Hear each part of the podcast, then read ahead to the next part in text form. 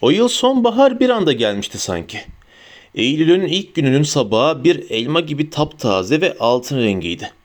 Ve küçük aile büyük, İsli istasyona giden gürültülü yolda karşıya geçerken araba egzozlarının gazları ve yayaların nefesleri soğuk havada örümcek ağı gibi parlıyordu.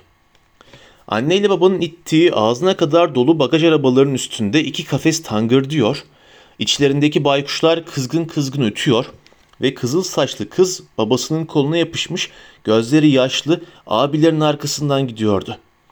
Çok geçmeden sen de gideceksin dedi Harry ona. İki yıl diye burnunu çekti Lily. Şimdi gitmek istiyorum. Aile zikzaklar çizerek 9. ve 10. peronlar arasındaki bölmeye doğru giderken baykuşlar banliyö yolcularının meraklı bakışlarına hedef oluyordu. Onları çevreleyen yaygarayı bastıran Albus'un sesi Harry'nin kulağına geldi. Oğulları arabada başladıkları tartışmayı devam ettiriyorlardı. Olmayacağım işte. Silterinde olmayacağım. James yeter artık dedi Ginny. Ben sadece olabilir dedim dedi James. Küçük erkek kardeşine sırtarak. Bunun kötü bir yanı yok ki.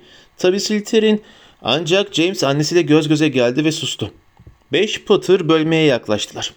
James omuzunun üstünden geriye küçük kardeşine biraz kendini beğenmiş bir bakış atarak bagaj arabasını annesinden aldı ve koşmaya başladı. Az sonra gözden kaybolmuştu. Bana yazacaksın değil mi? diye hemen sordu Albus annesiyle babasına kardeşinin anlık yokluğundan yararlanarak. Her gün eğer istersen dedi Ginny. Her gün değil dedi Albus çabucak. James diyor ki çok kişi evden ancak ayda bir mektup alırmış. Geçen yıl biz James'e haftada üç kez yazdık dedi Ginny. Hem sana Hogwarts hakkında söylediği her şeye inanmasan iyi olur diye araya girdi Harry. Dalga geçmeyi seviyor kardeşin. Yan yana ikinci bagaj arabasını itip hızlandılar. Bölmeye geldiklerine Albus yüzünü buruşturdu. Ama çarpışma olmadı. Onun yerine aile kırmızı Hogwarts Espressi'nden çıkan yoğun, beyaz buharla belirsizleşmiş peron 9-3 çeyrekte buldu kendini. Seçilemeyen bir sürü silüet James'in de içinde kaybolduğu siste hareket ediyordu. ''Neredeler?'' diye sordu Albus endişeyle. Peronda ilerlerlerken yanından geçtikleri puslu şekilleri gözleyerek. ''Merak etme buluruz onları.'' diye güvence verdi Ginny. Ama buhar yoğundu ve herhangi birinin yüzünü seçmek zordu.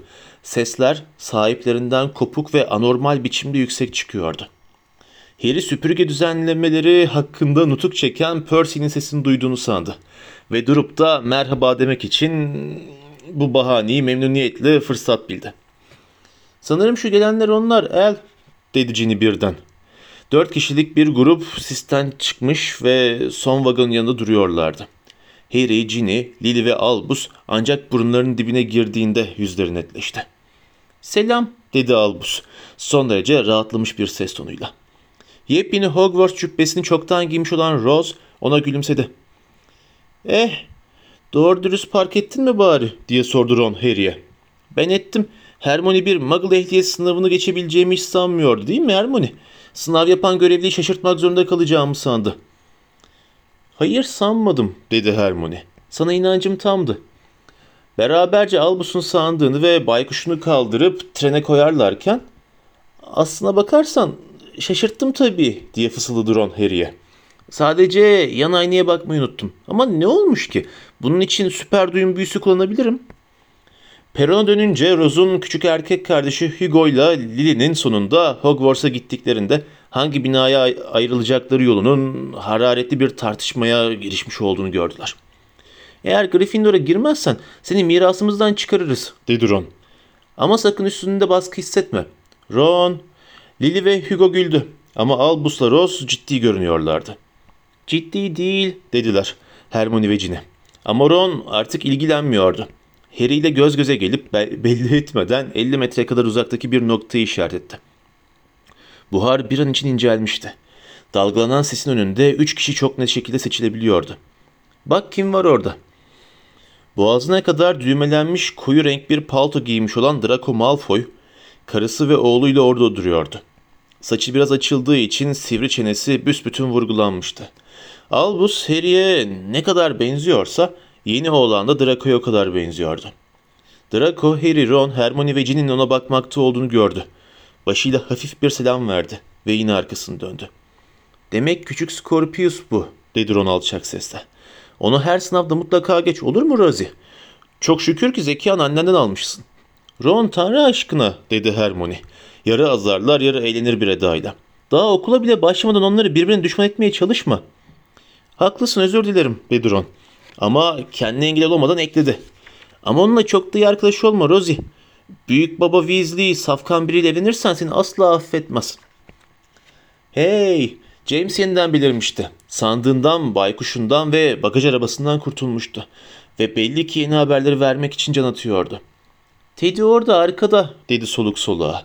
Omzunun üstünden gerisini dalga dalga yükselen buhar bulutlarını işaret ederek. Az önce gördüm ve bilin bakalım ne yapıyordu. Victoria ile öpüşüp koklaşıyordu. Başını kaldırıp büyüklere baktı. Belli ki karşılaştığı tepkisizlik onu hayal kırıklığına uğratmıştı. Bizim Teddy. Teddy Lupin. Bizim Victoria'yı öpüp kokluyor. Bizim kuzenimiz. Ben de Teddy'ye ne yaptığını sordum. Aralarına mı girdin yani? dedi Cine. Ron'a öyle benziyorsun ki. O da bana Victoria'yı geçirmeye çalış geldiğini söyledi. Sonra da bana gitmemi söyledi. Onunla öpüşüp koklaşıyor diye ekledi James. Sanki meramını iyice anlatamadığından kaygılanır gibiydi. Ay evlenseler ne güzel olur diye fısıldadı Lily.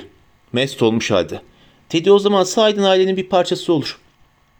Zaten haftada dört kere kadar yemeğe geliyor dedi Harry. Niye onu bizimle yaşasın diye davet edip bu işe bir nokta koymuyoruz? evet dedi James coşkuyla. El'la odasını paylaşmaya itirazım yok. Teddy benim odamı alabilir. Hayır dedi Harry kararlı bir şekilde. Sen ve El ancak ben evi yıktırmak istediğimde odanızı paylaşabilirsiniz. Bir zamanlar Fabian Prevet'e ait olan yıpranmış eski saate baktı. Saat neredeyse 11. Binseniz iyi olur. Neville'a sevgilerimizi iletmeyi unutma dedi Ginny James'e. Onu kucaklarken. Anne bir profesöre sevgi iletemem. Ama Neville'ı tanıyorsun. James gözlerini devirdi. Dışarıda evet ama okulda o Profesör Longbottom değil mi? Nasıl bitki bilime girip ona sevgi iletirim ki? Annesinin budalalığı karşısında başını ikine salladı. Albus'a bir tekme koyarak duygularını salıverdi. Sonra görüşürüz. E, testrallere dikkat et. Onları görünmez sanıyordum. Değiller mi? Sen söylemiştin görünmez olduklarını. Ama James sadece güldü. Annesi onu öpmesine izin verdi.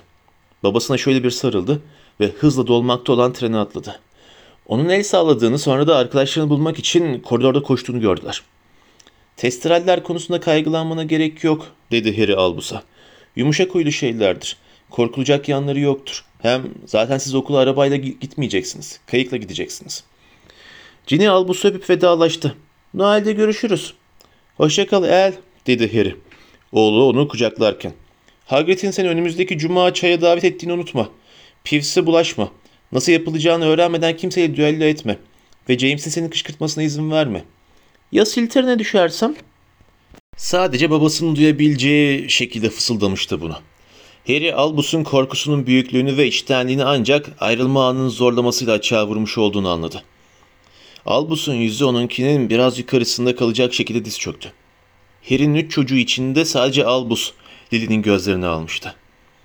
Albus Severus dedi Harry usulca.